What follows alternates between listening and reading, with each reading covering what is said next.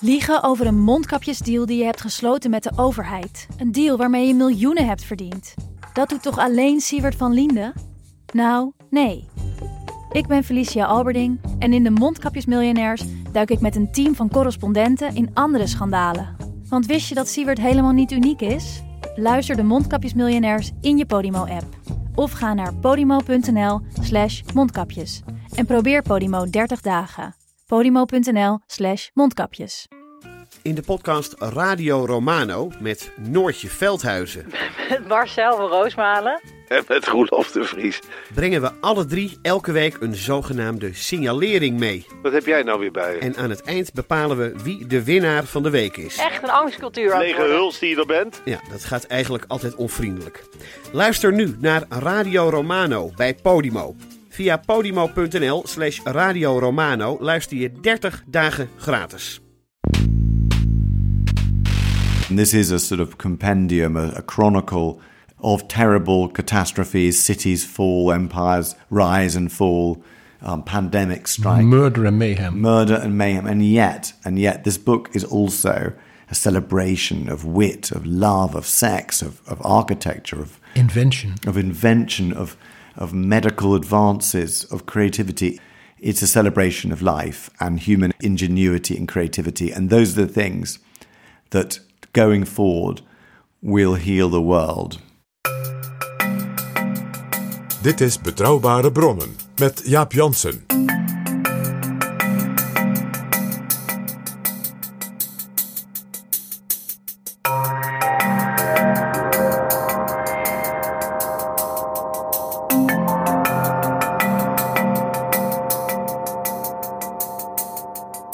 Hallo, welkom in Betrouwbare Bronnen, aflevering 311. En welkom ook PG. Dag Jaap. PG, voor mij ligt een kloek boek van zo'n 1400 bladzijden. De wereld een familiegeschiedenis. Geschreven door Simon Sebag Montefiore. En Jaap, jij weet dat ik al jaren tegen jou zeg... als Simon Sebag Montefiore met zijn nieuwe boek komt... dan moet hij in Betrouwbare Bronnen. En het is zover. Hij is een van de meest vooraanstaande historici. Hij schreef bijvoorbeeld twee boeken over Stalin.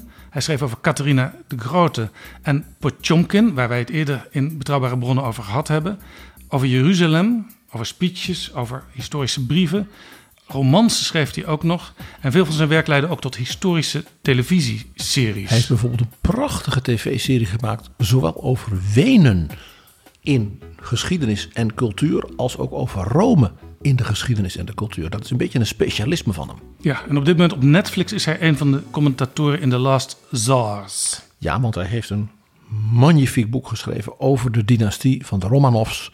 En dat is natuurlijk een beetje de inspiratie geworden voor dit boek. En dat boek wat hij geschreven heeft, een familiegeschiedenis is het. Want hij schrijft aan de hand van families. En dat is bijzonder, want dat betekent dat ook de rol van vrouwen en zelfs kinderen eh, eh, veel groter is dan vaak in geschiedenissen. Ja, en ook dus mensen die tegen de familie aanzitten, inclusief bijvoorbeeld hun hoofdslaaf.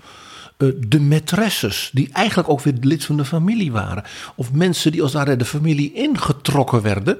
Hoewel ze bijvoorbeeld biologisch niet echt familie waren. Maar bijvoorbeeld een stamverwantschap was. Dus hij heeft ook een hele interessante, brede visie op zeg maar, hoe menselijke families. Bijna als een soort stam ja, en ook als een dynastie zich ontwikkelen. Ook met oog op natuurlijk de continuïteit in de geschiedenis. En het boek is ja, eigenlijk het product van zijn hele leven als historicus. Hij schrijft heel mooi: This is a book of synthesis, the product of a lifetime's reading. Ja, en Simon Sebag Montefiore is geboren in 1965. Hij is dus al een tijdje bezig.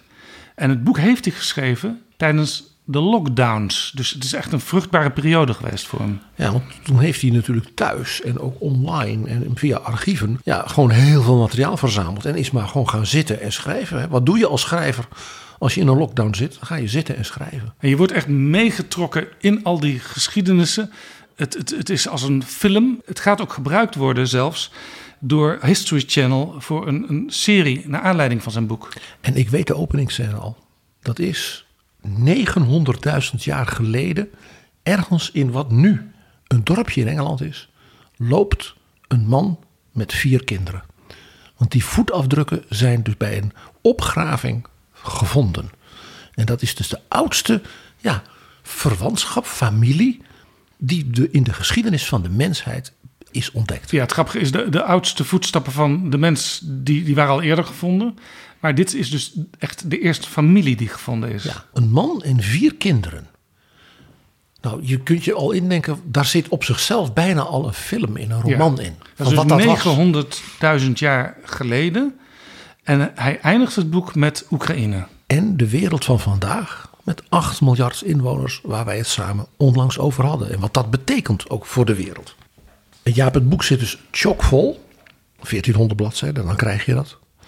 Er zit misschien voor, ja, voor ons gesprek misschien wel een leuk punt in. Er zijn twee momenten in onze Nederlandse geschiedenis die hij eruit haalt. En we zijn toevallig dit jaar ze alle twee aan het herdenken. Namelijk 1572 en 1672. Hè, 1572, zo blijkt uit dat boek, was de sultan in Istanbul bezig via een van zijn belangrijkste raadslieden, een Joodse ja, bankier, handelsman, die ook in de Nederlanden was geweest. The Great Jew wordt hij genoemd in het boek. Jozef Nasi. En dat was dus een hele belangrijke adviseur van de sultan. Die zei, die Nederlanders die zijn aan het rebelleren tegen de Habsburgse vorsten van Spanje. En dat is goed voor ons, want wij strijden met die Habsburgse Oostenrijkse hè, op de Balkan. We strijden met die Spanjaarden in de Middellandse Zee. Maar ook, lach niet, op de Pepereilanden, de Molukken, Sumatra en dus ook zeg maar, het hele, de hele Indische Oceaan. Dus het was prettig dat die Spanjaarden werden afgeleid eh, in de Nederlanden. En dus werd bekeken, ook door contacten te leggen, wat men kon doen om Willem van Oranje te helpen tegen Philips II. Dus Nederland was toen ja, eigenlijk een soort sideshow aan de rand van dat imperium van Philips II. Wat dus een mooie afleidingsmanoeuvre was voor de sultan. Die plek van Nederland in de wereldgeschiedenis hadden wij op die manier zelden zo gezien. En dit is dus prachtig als je eh, ja, eigenlijk de, de ambitie hebt om de hele wereldgeschiedenis op een bepaalde manier te vatten.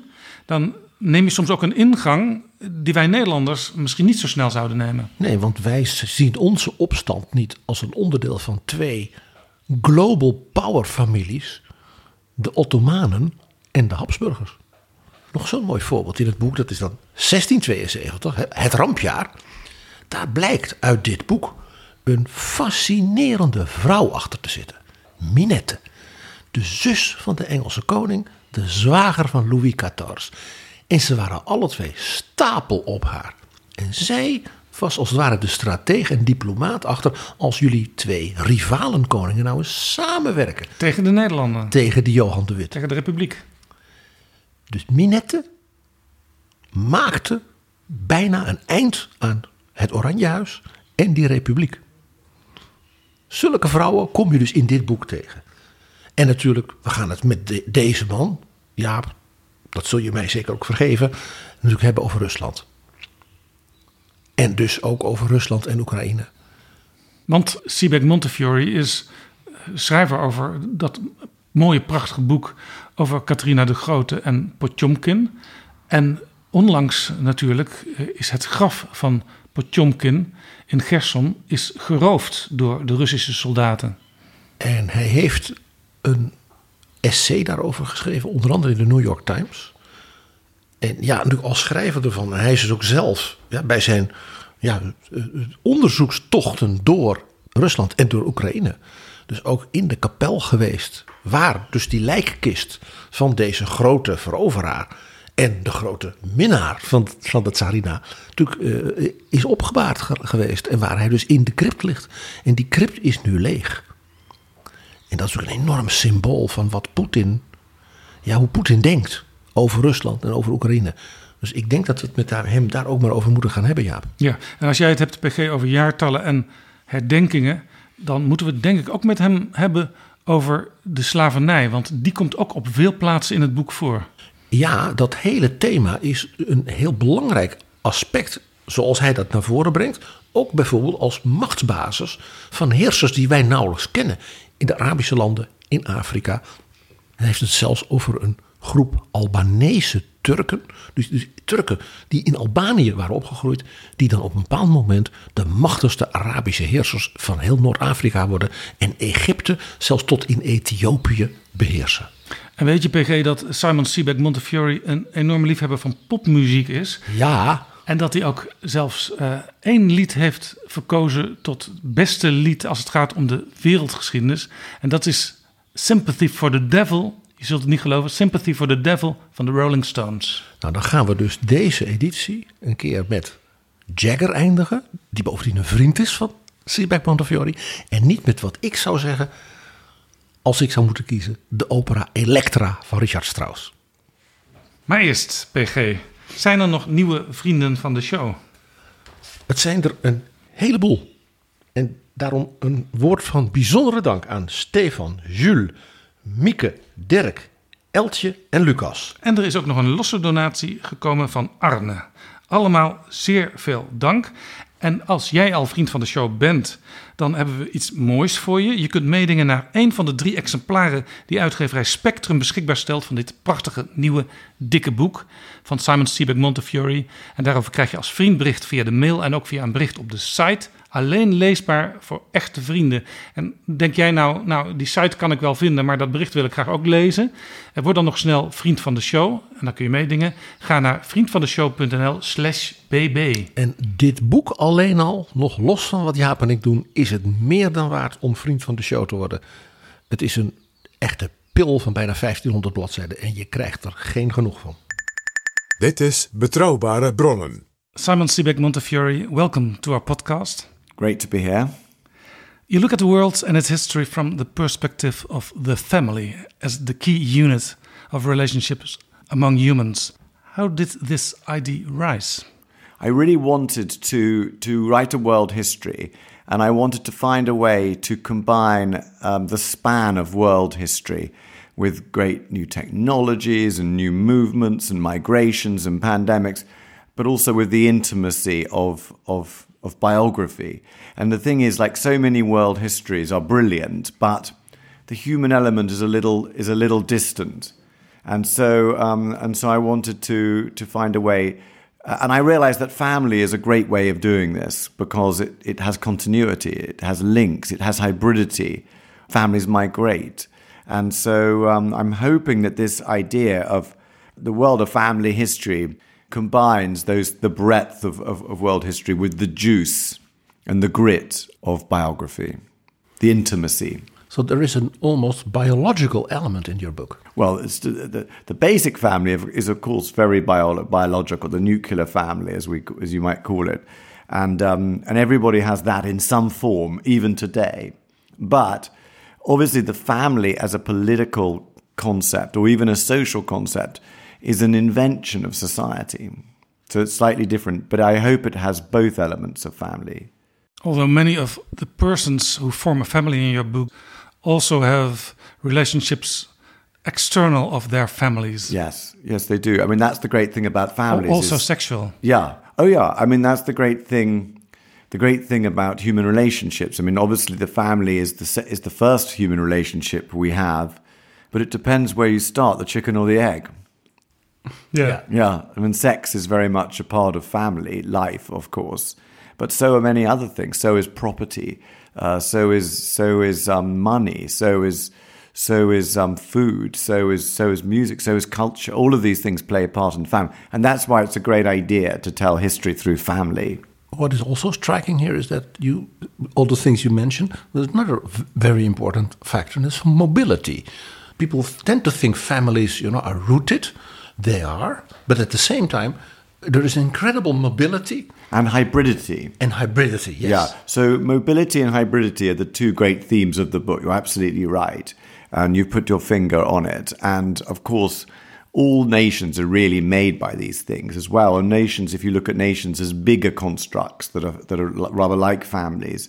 And so this is why, you know, this works for the family could be can be a, a, mother and a father and a child, but also it could be a tribe, it could be a clan, it could be a nation. When Queen Elizabeth II died, that was a strong family thing for a whole nation and even a commonwealth and yeah. etc. Even the world, it seems. you know, felt um, that she was a figure of stability and continuity and reassurance. Um, hence the number of, I don't know how many billion people watched the funeral, but a lot did. Um, so that was also a very strong fam familial element. Yes, because that's not why, just not just dynastic. No, but that's why dyna dynasties. That's why dynasties are the most pre prevalent form of government in world history because because they are mirrors of everybody's existence. You also write about a different kind of families, coteries. Yes, coteries. Yeah. Yes. I mean, coteries are sort of um, nexuses of connections and and links. I was I was talking a little bit this is a ruse. You used it because you want to bring other networks in in the story, which are not, let's say, biological families, of but course. maybe spiritual families. Of course, but sometimes they are spiritual families, and sometimes, I mean, in Rome, they, you had those adoptive families also. So there are so many different, but all of them behave like families, and it is a bit of a ruse. I mean, of course, when I was writing this book, you know, I was worried that the book wouldn't work after, say, 1918 or after, or after the after the fall of Napoleon, or after you know, it, because because um, dynasties became less important. But actually, dynasties are very um, are very flexible. And in the age of mass politics, they adapt. You know, people like Napoleon III and Bismarck adapted very cleverly to you know with using um, using dynasty. And of course, they endured until 1918. But then lots of other countries um, uh, had dynasties, and actually, politics changed in some ways, and in other ways, it didn't. So, actually, the, it works. It, the whole the, the system works well in the end. I think. Would you also say coteries on almost family-like networks? Yeah. Uh, could you also say, for instance, the Jesuits are like that? Yeah, the Jesuits are like that, and many other sort of many other brotherhoods um, or sisterhoods um, like that. And the, the Kremlin coterie? The Kremlin coterie. I mean, the Kremlin coterie actually, I mean, there are quite a lot of, there's quite a lot of family in that. If you look at the elite of the Kremlin now, um, many of the heads of companies and, and, and, oil companies and ministries are actually related to other people. So there's more family, but let's call it a coterie anyway. It's certainly not a, a hereditary system, um, that's for sure. But, but yeah, the Kremlin is run by a tiny group of people who really knew each other from the security services in the in the 80s and um, in the 90s. So, yeah, this is the way this is the way all, all all governments work, even democratic governments in England or Holland work like this. And I think you know, obviously, in, in what we might what Western Europe, Japan, South Korea, in, in other words, in sort of in the open society, the open world, I call, we can no longer call it the West, since it's not strictly the West. But we pride ourselves that you know we don't we don't have we don't have family, uh, we we don't even have coteries. But actually, of course, these things all exist.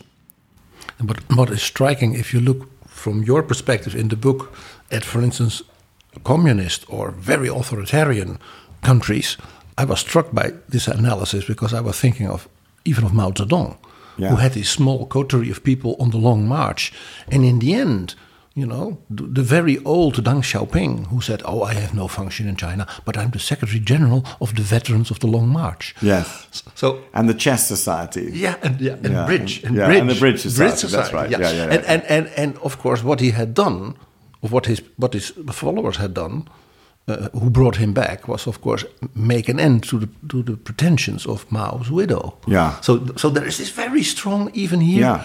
And family also, and also in China, in China, they, they, they call they call the big leaders princes, and they call the you know the followers li lineages. Yeah, so Xi Jinping is a prince because his father was mm -hmm. also yeah. in the party. Yeah, one of the one of the immortals.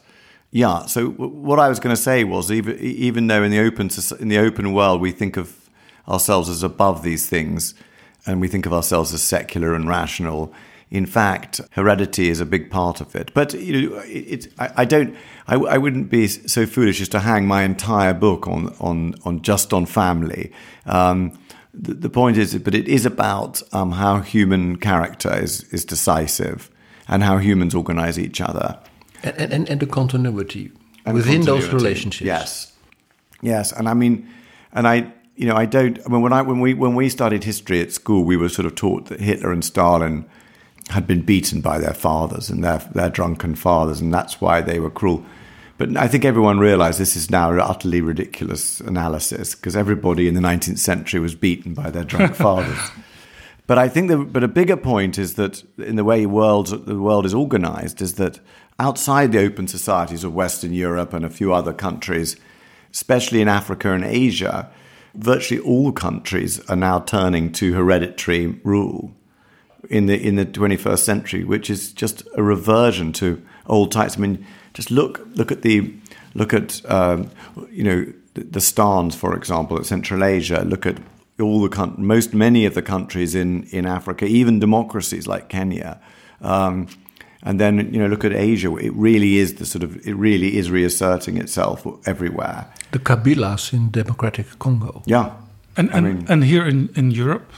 In Europe, less. In Europe, less. I mean, in Europe, it, it, it's it's it's a, it, it's exceptional that it isn't the case, because if you look at Asia, I mean, look at Pakistan now. Look at the government in Pakistan. There's a Bhutto as foreign minister. There's a Sharif who's prime minister. I mean, it couldn't be more. It's in the United States, government. sometimes also. Yeah, in the United. Well, I think there's two. There's two types. I mean, there's a, there's demo dynasties where they're elected, where you elect um, familiar names for reassurance, for continuity, and they uh, they they inherit their fathers or grandfathers' um, kudos, but also their networks of their coteries. And you see that with the Trudeaus, you know, maybe the Roosevelts, the, the, the Bushes, probably maybe the Trumps. Um, and, um, and, and, and that, that applies also to some, some democratic countries. The Marcos has just been re-elected. Kenyatta, there was two terms. I mean, one could go on. So those are kind of elected um, families where you can, you can unelect them. You can get rid of them. Then there's a whole lot of other countries that are really turning into monarchies, um, from Uganda to um, Turkmenistan. You know, Azerbaijan, of course. Azerbaijan, very, Syria, yeah, Korea, yeah. North Korea. I mean, there were actually a lot of them. And even in Iran, you know, the supreme leader has promoted his son now. So th- these countries are really, I mean, we call them different names, and we're very confused by Iran because it's a, it's the theocracy, and, and, in the West we're very uneasy with criticizing religious people, especially Islam. But actually, it's an autocracy. It's a mono, It's a monarchy. Yeah, and it's a, and it's a dictatorship. When I once was in Iran and I talked with people, I became aware that uh, well, it is a theocracy, but in fact, it's mainly some businesses run by families. Yeah, by families, and by families connected to the to the to this tiny oligarchy that is around the dictator. And the dictator has been in power. This, you know, Khamenei has been in power since 1989. So there are so many of these countries that you know, we can call them many different names.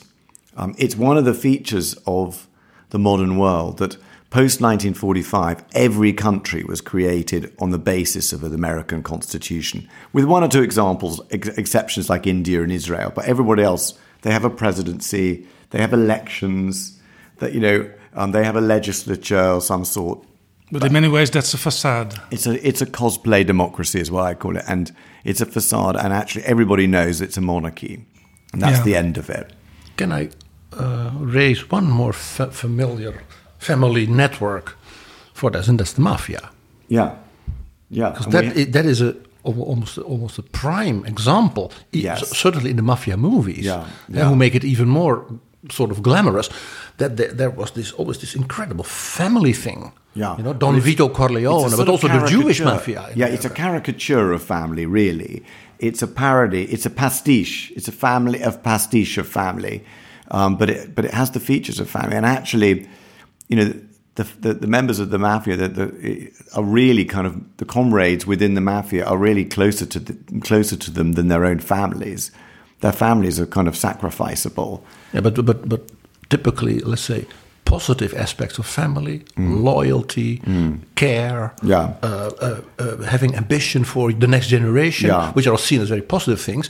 Within the mafia context, they become, as you say, pastiche, yeah. almost a parody in the negative sense. That's right. That's right. And of course, that's why the, I've put the mafia in the book because, um, yeah, it is a, it is a family unit, and it functions in some ways like a family and of course, it kills its members like a family, and that's also a sign of a power family.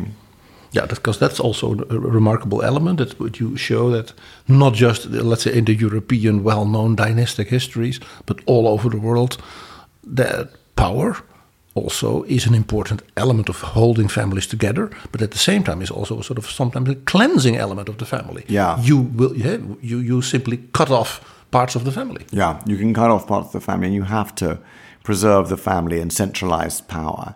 So it's a great method for keeping it in the family. And of course, then the family can also destroy the state and destroy its own prize through various things, through infighting, through incest, um, incestuous marriage, which destroys the gene pool. And there are, you know, there, there are many ways to destroy destroy things as well as to build them through family. If you look at Saudi Arabia and the crown prince now, things like that, what happened, you know, you see them in your book thousand years ago. Yeah, exactly, exactly. And much of the Middle East, you know, the instinct of, to, to, to rule through family, you see it in, you know, not just in Syria, but, you know, a lot of all those um, regimes that fell, Gaddafi, Saddam, um, oh, Saddam you know, and his sons. Mubarak, they were all trying to bring in family rule, and they failed the family rule was maybe the last, you know, was a, was a, was a step too far for them, each of them, and it and it contributed to their downfall. I think. Yeah, in your book you write about many well-known and sometimes also famous families, but you also write about unknown or maybe forgotten families. Is there a favorite uh, you yourself have? Um, well, I like the family of of Marozia, the Crescenti in um, in Tusculum in Rome in the um, in the in the Dark Ages and the early Middle Ages when she was. I mean, she was a rather. I mean, there are many women in the book. Of course, it's a very feminine, female friendly. I mean, one of the great things about doing this um, doing this family history is. You know, one, it, it, you know, obviously it applies anywhere, so it's very, it, it's diverse, and one of the things I decided was that I was going to treat the Incas or the Dahomeans or the Zulus um, or the Ming um, exactly as I would treat the Habsburgs or the or- House of Orange, which no one had really done before, even though it's an obvious thing to do nowadays. And the other thing. So, in, in that way, you're a pioneer. In that way, it's a, it, it's an it's a new way of doing it. And the other. So you discover also as a reader many many families in in eras and in places where let's say the regular uh, European, certainly Dutch history never delves. Yeah, I mean, it's going to a new. It, it, it goes to new worlds, and also it's designed um, not just to be a victor's history. It's not just the Dutch Empire and the British Empire and Russia and America. It's it's also places where you wouldn't you wouldn't normally read in a, in a book like this: Albania, um, Cambodia, Haiti. You know, this sort of place. Hawaii. Morocco. And Morocco. You had a pirate queen there. Yeah, yeah. And I love Morocco because my family came from Morocco originally, the Sebags. So, of course, I love Morocco. And Iran is very important in the book, huge. Afghanistan. These are all these places that, I mean, of course, there are lots of places. But, but, but why is that, that family in the Dark Ages a favorite of yours? Oh, that is just, well, I think, I think one, I think partly because Marozia was traditionally accused by the histor- male historians of being the, the, greatest whore in history. And um, it was known as the pornocracy, the, the, the pornocracy of the papacy, the rule of whores. And I just think it demonstrates that, you know, that history is often unfairly written and we can correct it, we can improve on it. I don't believe in, in suiting history to any ideology, however fashionable. But on the other hand, clearly women were left out of much of the histories. And so Marozia was obviously astonishing personality, um, an amazing character, an amazing states statesperson. And so, um, but of course, I mean, however you look at it, she did have an amazing life, political as well as marital and amorous. Um, She's a bit like Catherine the Great. She was a bit like Catherine the Great. She was obviously both brilliant and, and formidable, but also um, she must have been uninhibited and charming, and probably charming. Because Catherine the Great, I always said, is one of the persons I would have dinner with. Yeah, well, she was very charming. I remember her her ladies in waiting reading the memoirs of one of her ladies in waiting, and when Catherine was old, and her saying like, you know, she got up in the morning and she made coffee. And someone brought her the coffee. When she looked up, she saw the she saw the huge solitaire diamond on the hand, and she looked up, and it was the Empress. Um, so she was very charming And charm is an important. Charm is uh, the sort of brother of charisma. So, And so it- as a historian, also you can uh, fall for the charms of one of your subjects. Yeah, I mean, obviously you're more fascinated by people, but oftentimes they're not the most charming. They're the most appalling. That we're most. It's most fun to write about. I mean, Herod the Great was wonderful to write about. It's like an opera. Yeah. You know, the mezzo, who is the bad lady, Yeah. is the great role. Yeah, of course. And it's exactly the same in this. I mean, Empress Wu is the greatest character um, in the book, you know, is one of the great characters. And again, she must have been so capable, but also she was so monstrous. And the idea that we sometimes, people sometimes, I mean, Stephen King wrote on Twitter yesterday that, you know, if only a woman had been in charge of Russia, this would never have happened. And um, I wrote back and said, you know, with, that, with, with great respect to the great Stephen King. Nonsense. yeah, it's nonsense. It's nonsense. Russian history is filled with extremely aggressive and mil- militaresque uh, women And, and who, who had no uh, mercy. who had no mercy. I mean, even Catherine was pretty ruthless when she wanted when she wanted Poland, you know, or Ukraine. So, or Crimea.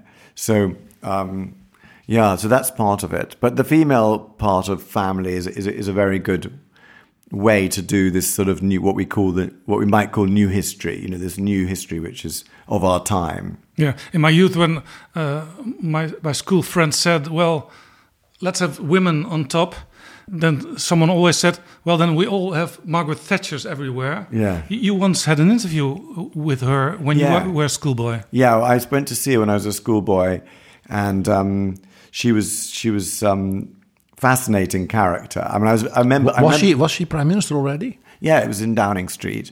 It was after the Falklands War, and um, I got a letter at, at school that said um, from Downing Street that said um, the Prime Minister will see you at four o'clock. Turn up.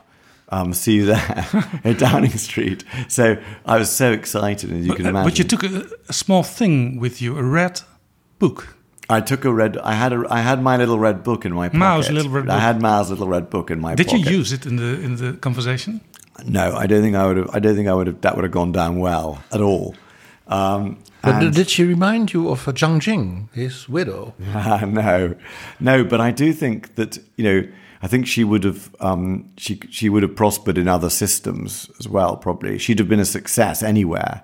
Um, she was extremely nice to me, really. Actually, um, she she um, she was you know she she was quite indulgent because we were quite rude. Afterwards, she said that that boy was very impertinent. No more schoolboy interviews. So, so you were the first and the last. the first and the last. Absolutely. So you learned a lesson that day. Um, you you yourself. I learned a lesson. I learned I learned a lot of lessons. I mean, one thing was that she came up and she stood over me and she said, "Pull your socks up." She said, "Pull your socks up," and I said, "Like, you, yes, Prime Minister." And she said, "No, pull your socks up," and she pointed at my feet. And the so- and I and she said and I and I sort of she stood over me and I had to pull up my socks because I was languishing with you know looking like a mess. She was thinking you were one of her wets in cabinet. Yes, yes, she treated me like that. But she was um, she was just fascinating person. It was great to have met her. It was great to have sort of known some. In the book, I I I use I use the conversations I've had with a lot of people, um, you know, Kissinger and Shimon Peres and Shevardnadze, about about history, about Yeah, Kissinger time. even uh, read the parts of his era. yeah, which is amazing. And I got back his amazing comments. Do you feel free enough when he says, "Well, No, he didn't. He didn't. What, what he did was he just corrected facts. He didn't challenge any kind of judgments at all. What was his most interesting comment for you? One of his comments was that he he said that when they when he saw Mao Zedong, when he met Chairman Mao, he didn't. They didn't know what had happened to Lin Piao, um, and because it was soon after that, and they were they didn't really understand what happened, and they didn't find out, and Mao never told him, and. Um, and that was interesting. But getting his notes back, it was really it was really a wonderful thing. It was like getting Metternich to correct um, to correct your sort of your history, you know, your history of the Napoleonic Wars or something. Um, so there were a lot of few things like that. He, he did it from memory. I mean, he is extraordinary. He's 99 years old. Yeah, but we've already decided that when he is 100, we'll do a special edition on Henry Kissinger. That's a very good idea. Because he's so fascinating. And as a historian, he's you know that his book on Metternich is amazing.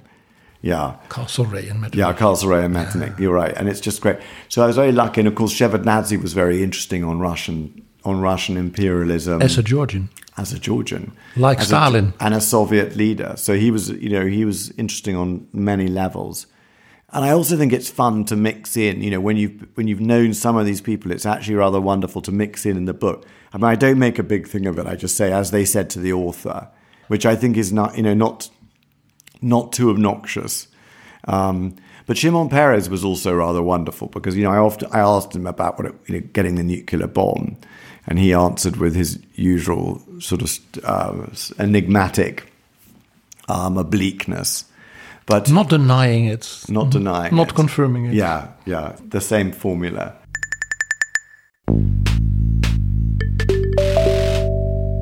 Dit is Betrouwbare Bronnen, een podcast met betrouwbare bronnen.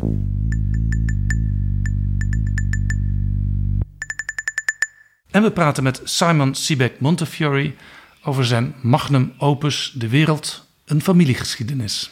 Let's go back to a very special moment in your book. Because it is now for the Dutch a jubilee year of both 1572 and 1672. Okay. And 1572 is, is, of course, Joseph Nasi, the great Jew, Yes. who, and that's a fascinating thing in your book, who, for his boss, which is the Sultan, Selim, Yeah. uh, sort of takes on sort of diplomatic contact and support for William the Silent. Yeah. Why did he do that? Well, to to to to I mean, the, to subvert the Habsburg monarchies, because Suleiman the Magnificent and the Ottomans and Selim, their great enemy was was the um, was the Habsburg family, and it was a very much of a, a, a Europe of two families, a Eurasia of two families, and.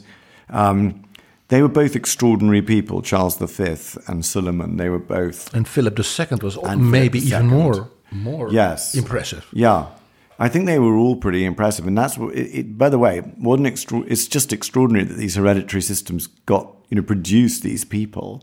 Um, not for very long, but they did produce these incredibly able people with acumen. And Selim was sort of happy that the Dutch were revolting and, Yes. and binding forces of Spain, Habsburg Spain, because he had a war in Sumatra. Yeah.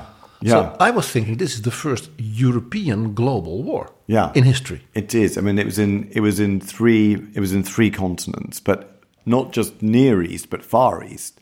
So, But uh, also Lepanto, the Yeah. great uh, sea battle, Malta, Tunis. Yeah. so it was had- everywhere. and he had troops fighting with the Muslims in Spain as well, with the so with Morocco? the Spanish revolt and, and Morocco. So it was just they never quite got Morocco, and that's why they never were able to break become a real colonial power. That's very important. So Morocco is hugely important because if they'd had Morocco, they would have been able to. bec- They would have had colonies, I think. Because there's no reason why they shouldn't have colonies just because we did. So, so, so the great Jew, which was a sort of vizier, a Yeah. Jewish diplomat, The Duke- tradesman, the Duke of Naxos. who was Duke of Naxos, even, Yeah. and he sort of contacted the Dutch rebels. Yes. Uh, but what, what, what did they do? Did they give them money or I think they gave them some sort of backing. I think they gave them encouragement. They promised them some sort of diplomatic protection. Maybe they promised, we don't know exactly, is the answer. Um, but we know that they were in contact.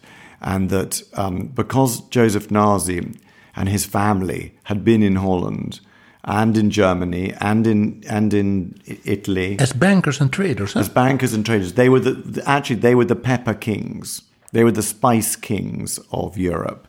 They were generally talked about as the wealthiest private family in Europe, and of course we don't know if that's completely true. There were the Fuggers. Um, there were other great sort of mercantile families, but if the Habsburgs had the Fuggers, the Ottomans had the Nasis. Yeah. And, and of course, in Holland, from that era, Yeah. is of course the famous uh, uh, motto: "Liever Turks dan Paaps, better Turkish than Popish." Yes. Yes. Yeah. And this- and that and could that be the origin of it. Of course. But you know, it was very interesting that because because the, the, the Dutch revolt was so important, and um, And so this connection is, is, is hugely important in history. And a global connection. And a global connection because also, it, you know, out of that, you know, um, the, the Dutch Empire emerged across the world as well. Yeah. And, and changed everything. Yeah. You say in your books that the Dutch 17 provinces produced more or less the modern world. Yes. Yeah, I think that's right. What was think, that influence? Um, I just think, you know, the, the company, the, the, the entire corporate world, um, the trust that's necessary for um, intermediaries stock and stock, the stock exchanges, um, the, the, trust to do business with strangers. All of this was developed, banking, and then there were, then the, you know, there were all the sort of um, mercantile the, the, the, and technical advances in medicine, in sailing boats. Um, all of these things were developed were developed here um, in Holland, and all of this was the result of that incredible dynamism that came from political rebellion, political and religious rebellion, um, and um, you know, war. War is the greatest engine of human change and progress, as well as as well as regression. War is one of the great is the great super propellant, and this war unleashed Dutch uh, Dutch Dutch energy, Dutch ingenuity, which of course the British um, copied and um, commandeered, because no one keeps these advantages for very long, and um, and Britain adapted adapted them immediately and stole most of them. So we have to mention now one of the most fascinating ladies in your book. Again, a fascinating lady, Minette. Oh, Minette is she, she's one of character. our favorites. Yeah, we love Minette be- because she was essential in Yes. what you say uh, that the Brits said we have to commandeer this Dutch ingenuity and make it our own and make our own empire. And the King of France, who was her brother-in-law, Yeah, yeah. thought, well, maybe we can do business together. Yes, yes. So the British, you know, the British, were, the English, as it was then, were extremely jealous of Dutch advances all around the world, and yet they had also had a very dynamic mercantile community. You know, even then England was ruled by a mercantile aristocratic oligarchy, and um, and but yet they hadn't. It hadn't really flowered. It hadn't blossomed completely, and it would only blossom on the back of the Dutch Empire. I mean, this is never taught in English schools, by the way, but So this the- is what happened. So the Glorious Revolution was in that in that sense a sort of a lucky A very moment lucky for, thing. for let's say for the for the for the English. It, it, it, it neutralized and befriended Holland at a key moment. Um, though, of course, the big the big crises were those kind of with the, with the, was the Dutch attempt to, to seize an empire, to seize the Portuguese empire, which failed. I think it you know it was overextend. It was an overextension. I mean, Holland was a tiny country. England was a tiny country, but it was larger, and I think that the Dutch overextended. Um, but the, there was a moment of incredible confidence. But but tell our, read, tell our readers a bit about how, how Minette she was married off to a, a, a prince in France, and then Yes. what happened? Well, Minette was Minette was married off to um, to Louis XIV's brother, Monsieur. Monsieur, who was a terrifying character, Horrible man. jealous of his brother. Of course, that went with that went went with the, that was, went with the um, family situation where the younger brother is always desperately jealous of the elder brother. But of course, also he had much he had a lot of reason to be jealous of Louis XIV, who again is just one of these kind of freaks of nature, who is, produces this incredible um, this incredible paragon of political acumen, ambition, confidence. I mean, the confidence of this man was extraordinary. So the brother was was a sort of lesser creature in every way, not just in terms of being the younger son, and so he hated his brother. Um, then he was then he then of course he was a homosexual primarily, though of course in those days um, sex sexuality wasn't regarded as a sort of identity that you had to wear like a badge for your life. So he was married to this English princess. He married this beautiful English princess, Minette, who was beautiful, highly intelligent, delightful. She was very smart, huh? Very smart. Wrote beautiful letters, um, and her she was the favorite child, the favorite sibling of Charles II, who himself was a very intelligent person, and. Um, when and a great survivor. They were both great survivors. they were great survivors, but Minette had Minette's marriage was a nightmare, and she was bullied. She may have been raped, um, And um, she may have had an affair with her brother in law. We'll never know, but quite possible. Because if, I mean, Louis XIV, I guess, personified Droit de Seigneur. You know, you didn't say no to him, I imagine, at that court. And, and um, he, he, adored her. Eh? And he adored her and trusted her. And so when it came to make the secret treaty um, between England and uh, France against Holland, of course. Against then, then the Republic against of the, Johan de Witt. Yes, against the Republic of de Witt. Who is called by you one of the most brilliant leaders of his time. Yeah. De Witt was one of the most brilliant leaders of the time. He was mathematically brilliant. He, he developed all sorts of financial tools, which are still used. And of course, he was at the heart of that tiny, the, the regents, the tiny group of inter, intermarried families. That wasn't a coterie. That was just an, an intermarried cousinhood of Dutch mercantile dynasties um, who created, you know, the golden age of Holland. And Minette made this alliance, which was an unusual alliance Yes. between England and France. Yeah. And both uh, what they what they had to in common was let's destroy this republic. Let's destroy the Republic of Holland and um, let's let's defeat it on land and defeat it at sea. You do the sea, we do the land, said the French, and they would fund it.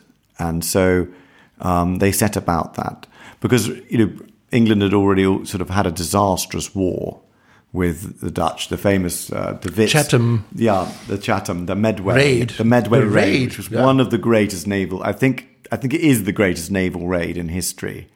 And De Witt was an extraordinary person, and his brother. They were talented, but again, um, you know, it didn't work. They were out. He was outplayed in the end, it, both domestically and and abroad. And also both in the naval sphere and even on land, the French army didn't produce what was sort of seen as uh, the natural victory. No, they didn't. They didn't. And then, of course, De Witt's end was messy, as I'm sure all your Dutch listeners know Yeah. every detail. Everyone knows it. Everyone Every knows school it. child in Holland knows in what museum in The Hague his penis can still be seen. Okay, are there, are there several penises in several museums? no, it's not like in the Catholic Church. Okay, yes.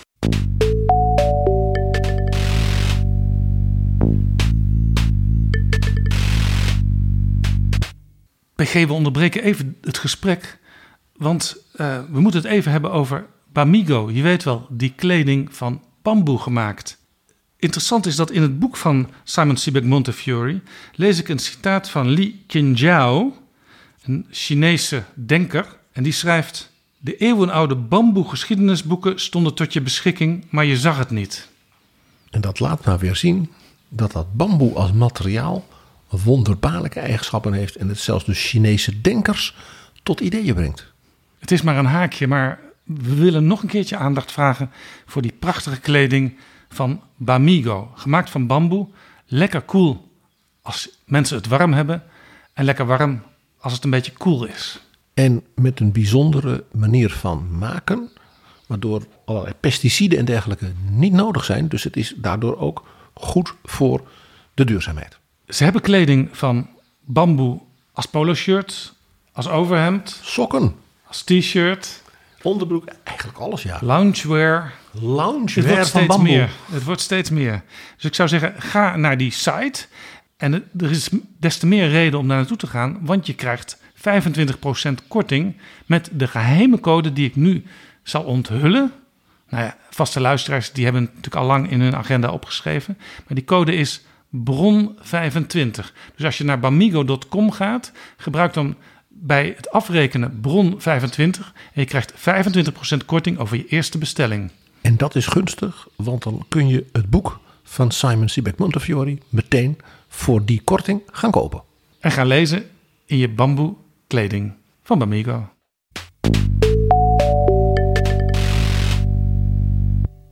En we praten met Simon Sebag Montefiore over zijn De Wereld, een familiegeschiedenis.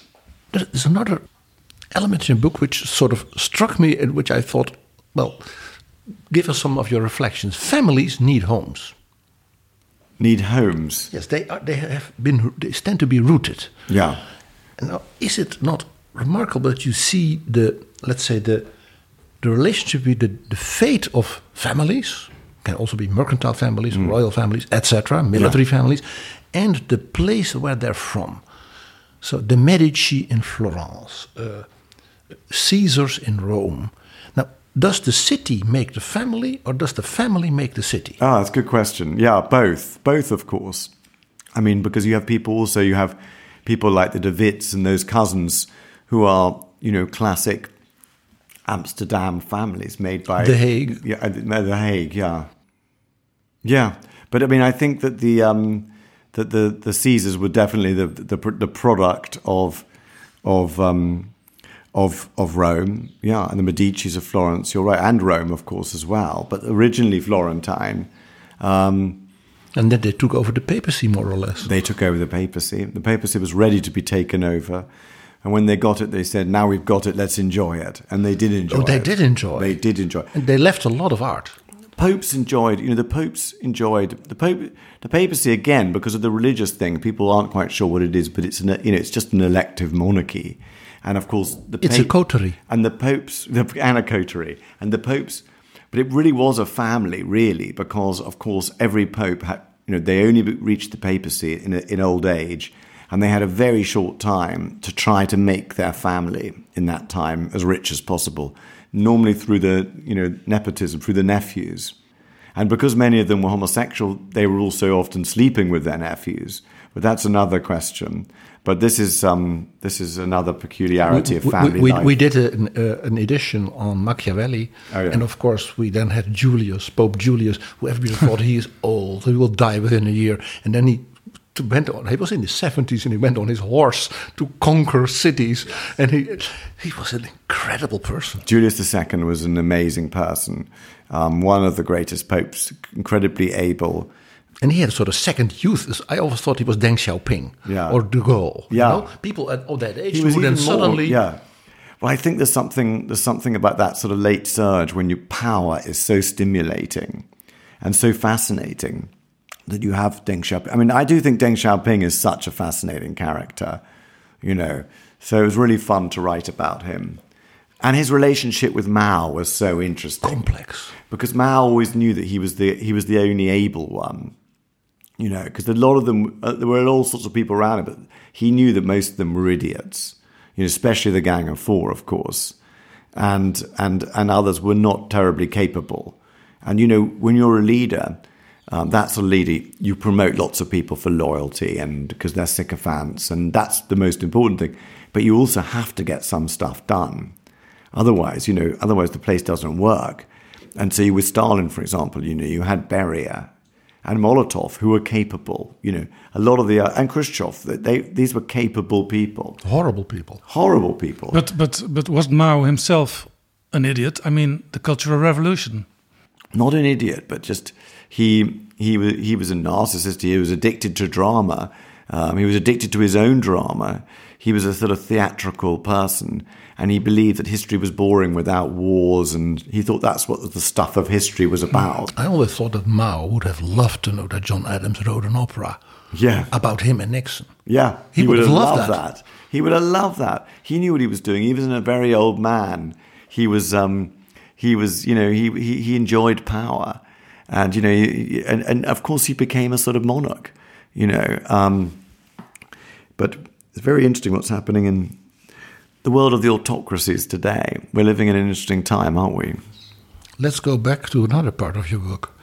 One of the most striking things we already mentioned a little bit is your attention to Africa. Yeah.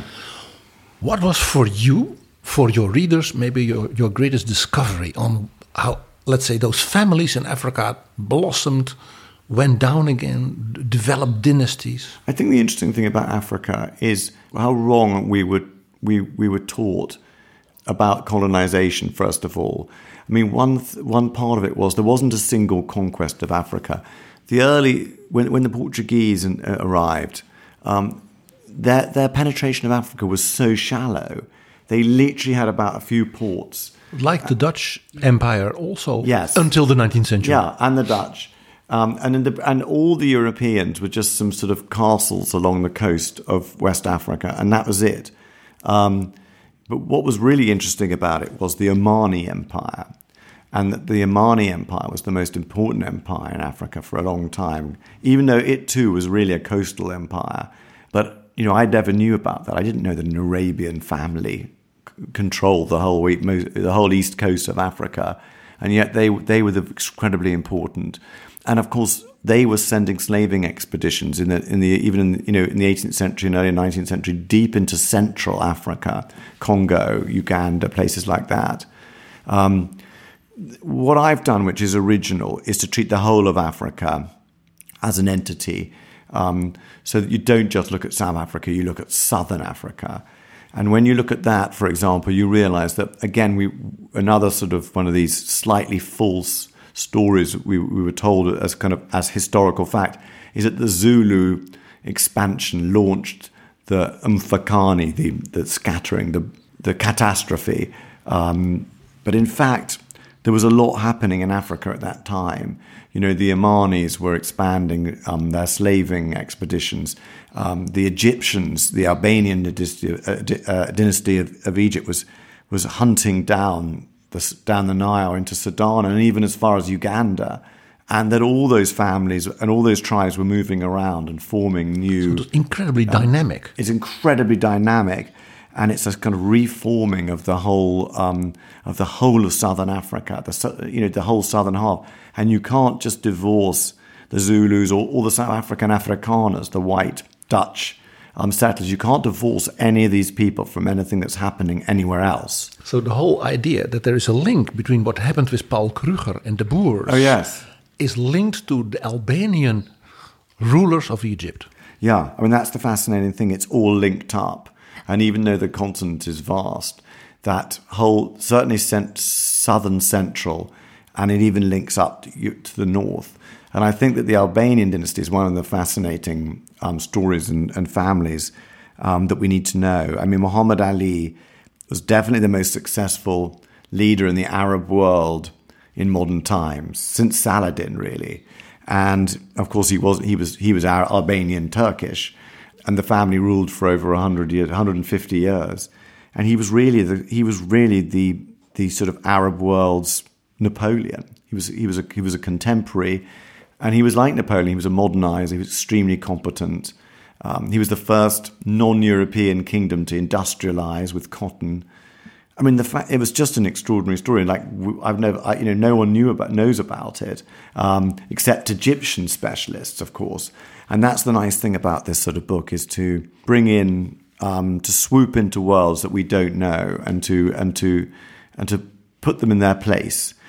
One of the one of the nice things I think is is is to show the sort of messiness of human existence and that all political leaders have so many issues on their plate. Talk about messiness. One of the things which struck both of us this next month, the Dutch government has decided to make a sort of formal excuse on eight places in the world for the history and the Dutch role in slavery. At the same time, we read in your book that the African and Arab uh, rulers were very angry when the Europeans said we're going to stop the slave trade because it's so inhuman. Yes. Yeah. That, so mean, that gives a completely different perspective on this important debate, of course. Yes, and it's an important debate. It's necessary that we know about this. And yes, again, it's necessary that you know necessary, about it. It's necessary to know about it.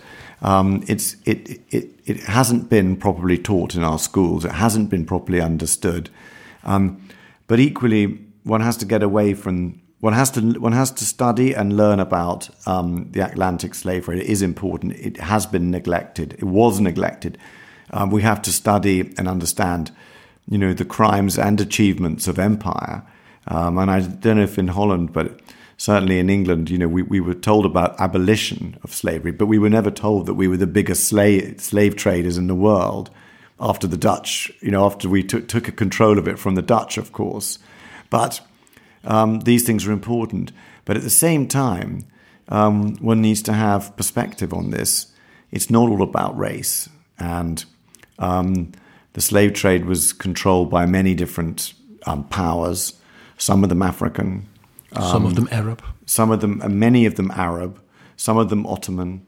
Um, there were there were many different slave trades. There was of and course slave trade in Russia. There was a slave trade in Russia. There was a slave trade in southern Russia. Um, what matters to me is that um, our job as historians is, is to illuminate what really happened and to get as close as you can to it. And also, everyone counts or no one counts. You either sort of you you don't just um, favoritize a hierarchy of victims, and also, and nor do you um, blame a hierarchy of of of um, oppressors. But you just try and judge all of them and try and tell it tell it all, and also be honest about it. Yes. For instance, like the Dutch government now, be honest. Yes, we were Yes. oppressors. Yeah. Is, is, is, is making apologies for a government a useful way of coping with those dark pages in our own national history? Um, I think it. I think it, it can help to be a tonic on the wounds of the past. I think it achieves very little, and I think I think education is a much better is a much better because I think the best once the once the actual oppressors um, are gone, I think t- to cast a bright light, I think illumination is the best redemption once um, once the actual people who did it, once the actual perpetrators are long gone by centuries. Let me then go immediately to what was the next thing in my head is the coffin of Prince Grigory Potemkin. Yes. He is gone, but he is not gone. One of the most striking things is, of course, the symbol of this year. Yes. Putin robbing the grave of Grigory, Prince Grigory Potemkin. So this man is not dead. This is how we met, you and I. Yes. Yeah. I mean, the, the, the, the story. On of- Twitter. on Twitter, I should Yeah. say. Yeah. That's how we met on Twitter. And it's very nice that we did because here we are talking. But I mean, you know, the story of Prince Potemkin is just fascinating because, you know, so much of Putin's history is a distortion. And really, the whole part of the history, which both the Ukrainians and the Russians claim of Kievan Rus, is completely made up. I mean, it's so it's so distant. It starts in the it's 10th century. Yeah, it's meaningless. So really, you know, the Russian claim to Ukraine is, is, is relatively late. I mean, in the 17th century, the northern part, and in the southern part, you know, it, it's the same age as the United States, you know, and it's the 1780s basically, um, when Pot- Prince Potemkin and Catherine founded all those uh, cities, Kherson, Odessa. Odessa, Sebastopol, really the most important. But Odessa, designed by a French count whose specialism was botanism, uh, and so he designed then this city Yes. for her. Yes, I mean there was well, it was it was it was first of all sort of Potemkin decided on the space, then a Spanish-Italian admiral de Ribas sort of started building it, and then it was kind of run by by um, the Duke de Richelieu, you know. Which, of course, is a name, famous name in, in, in European history, Yes. but not as a designer of cities No. in Ukraine. No, so it's just you know, it, but the, but the great thing about their vision for it was yes, they were they were big Russian imperialists, but of course it was before nationalism, and they weren't ultra sort of they weren't ultra nationalists who saw it as sort of as, as Russia as a sort of unique culture so much. Um, they also saw the world. They saw themselves as citizens of the world of the Enlightenment, and they settled those towns with Jews and Poles and Italians and French and Scots. Greeks, Greeks, Scots, you know. So, so, um, and of course, but they did annex southern Ukraine and they did annex Crimea In Moldova. and Moldova whenever they could, but they, they never quite got Moldova. They kept having to go back for more. They didn't get it till the 19th century. but, but why would Putin, let's try to hide in his brain, if we can, why would he rob the coffin and the bones of Potemkin from this 18th century chapel in Kherson? Well, because Potemkin was the person who took those territories, all those cities. He built all those cities and he took those territories. He founded Sebastopol and Odessa. He, he built the fleet. So he made Russia into a southern power for the first time. So he's the historic hero in this part He's of the history. historical hero in this history. And as time's gone on, there's always this Kievan Rus. Uh, but actually, it, it was in the 1770s and 80s, and it was Potemkin. And therefore, um, increasingly, Putin started mentioning Potemkin, started mentioning the Potemkin's generals, Ushakov, Suvorov, but Potemkin. And it was when he started talking about these in those in that essay and in his speeches that I suddenly thought, oh my God, he's going to invade these places. And of course, I was interested because in my Romanov's book, I'd predicted something like this. And so, so then, of course, he takes Kherson. And immediately I think that's where I visited the bones of Potemkin. And then, of course, when they start to retreat, I suddenly was just amazed to see that he'd taken, he'd taken the body. And the reason he t- takes it is, I think, because that is the living justification for this whole campaign in history. And I think he will build him a mausoleum in, in Moscow um, with, with the names of the cities and the dates on the side. Because that's what, that's, that would make sense politically but it is almost medieval. This yes. sort of, sort of, we, we have this little bone of this saint, so we can. Yes.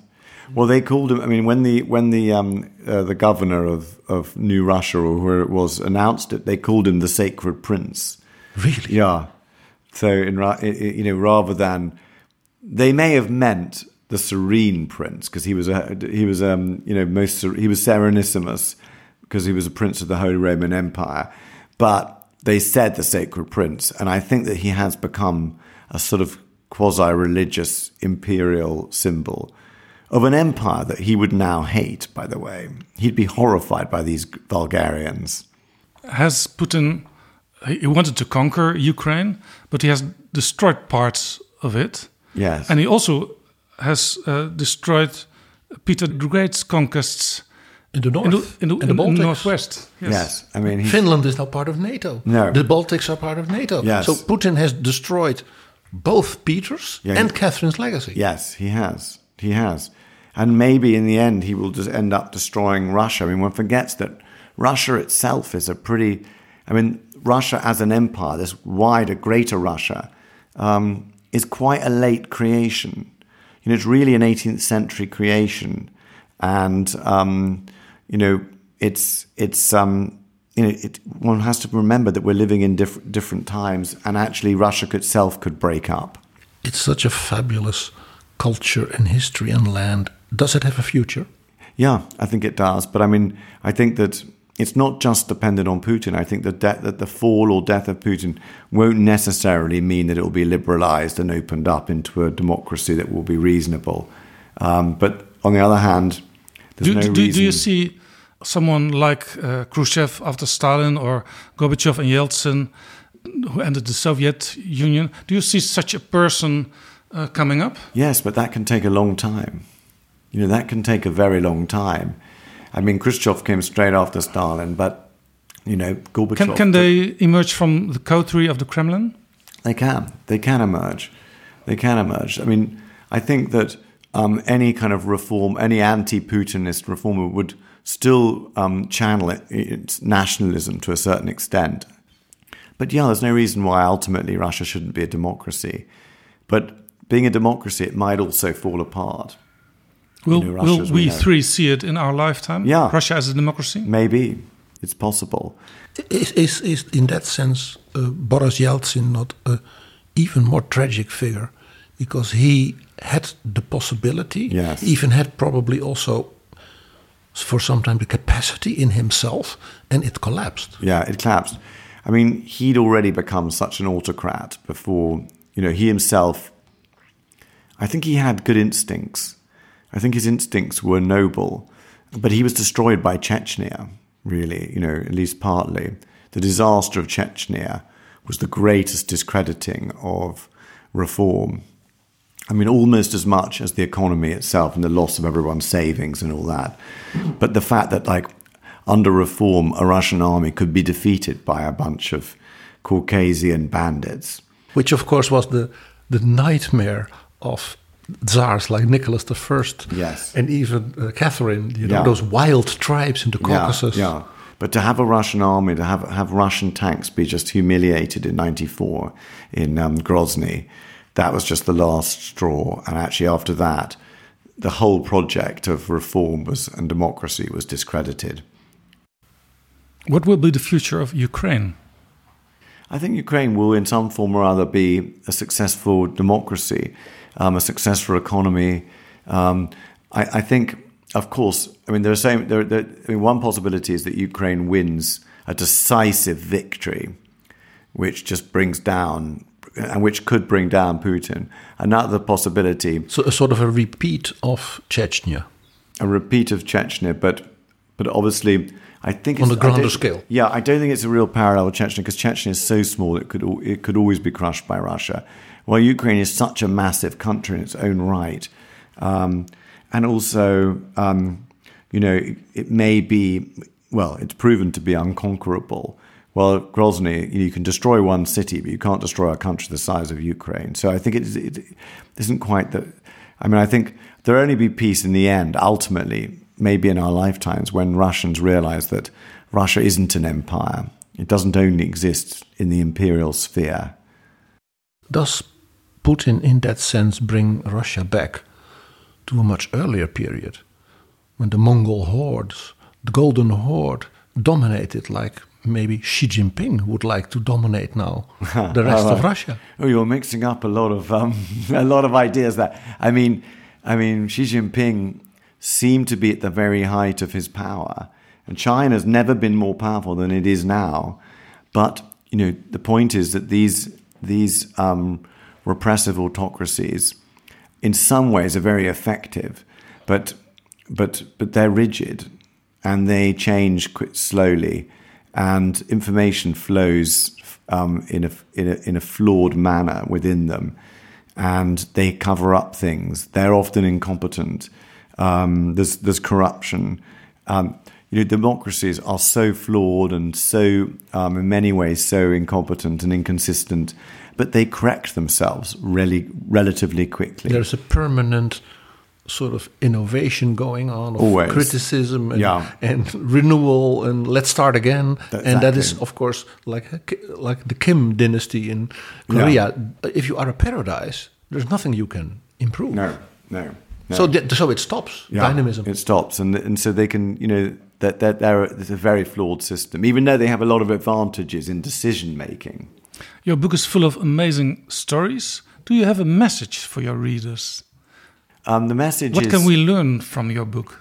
Well, I mean, one. I think the greatest theme in the book is migration. That everything comes from migration. That all creativity, all movement, all all nations, all units of human life are through uh, migration. Nowadays, the political question is how to stop migration. Yes, it is but actually we won't be able to stop it ultimately. And we wouldn't. And and we and we can't completely, otherwise our economies will decay um, and retract. Um, but I think the lesson that's coming is that you know Africa, especially you know, Africa, the population is going to be so vast in these countries like Egypt, Congo, Ethiopia, um, Nigeria, that unless they unless they um, start to be governed well, which is possible, of course, but unlikely, um, millions of people will come north. And then, so therefore, the decision for people in Holland, in Britain, in France is, you know, how to accept enough people to to express our moral position and also the needs of our economy and the welcoming of strangers um, yeah. But without without impoverishing our, the countries, so that they no one no one any longer wants to come to them. So this is the dilemma of the comfort democracies, of which Holland and England are two prime examples. Yeah, we are coming to the end of the conversation. In our podcast, we sometimes end with a fragment of an opera that has something to do with our story. And my friend PG uh, is, is, a, is a great uh, opera lover and I'm more of pop music. Yes. Uh, so I learned, to my great pleasure, that you compiled a soundtrack on world history on Spotify, about 300 songs. And in a footnote on page 1289 in the Dutch yeah. translation, I read that your utmost favorite is Sympathy for the Devil by the Rolling Stones. Why? I think it's the great history song of all time. Um, yeah, the playlist, the soundtrack to the world on Spotify is um, they're the songs I play when I was writing this, but they also have, you know, amazing songs like the songs that they're singing in the Iranian Revolution now. And, Nowadays, and, yeah, yes, yeah, new uh, songs. Yeah, new songs as well, but it has a lot of oldie, uh, golden oldies as well, and of course, "Sympathy for the Devil." It's such a witty song. It's You know, imagine writing a song where the, the, the narrator is is the devil and they're looking back at all the terrible things he's done in, in modern history. Let's listen to part of it. Please allow me to introduce myself. I'm a man of wealth and taste. I've been around for a long, long year. Stole many a man's soul of faith. I was around when Jesus Christ had his moment of doubt and pain. Made damn sure the Pilate washed his hands and sealed his face.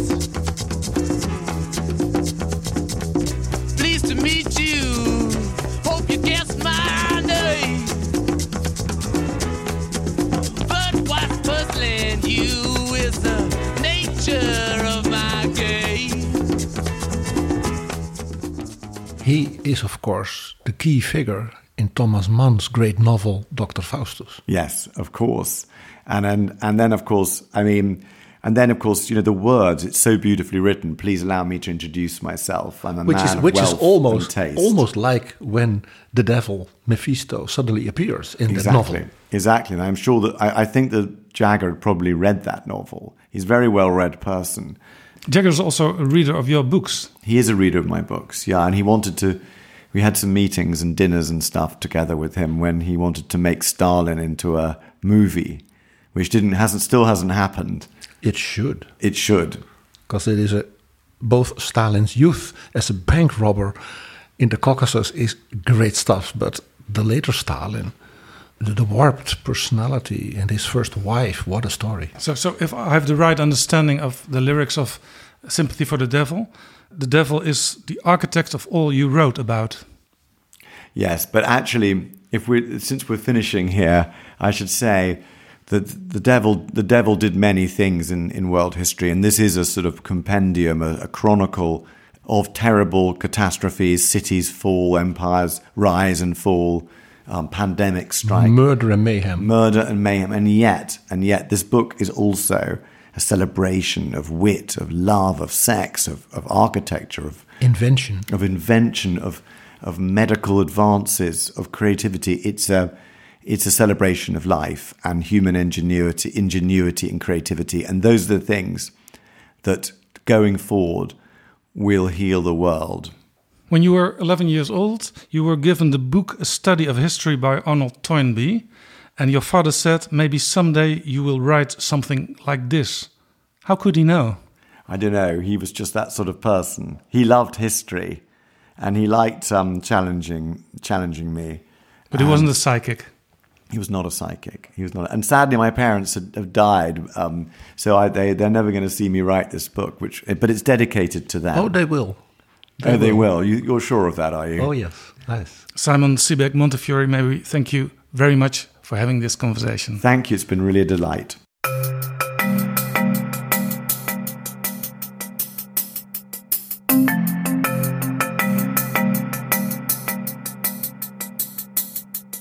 Zo, dit was Betrouwbare Bronnen, aflevering 311.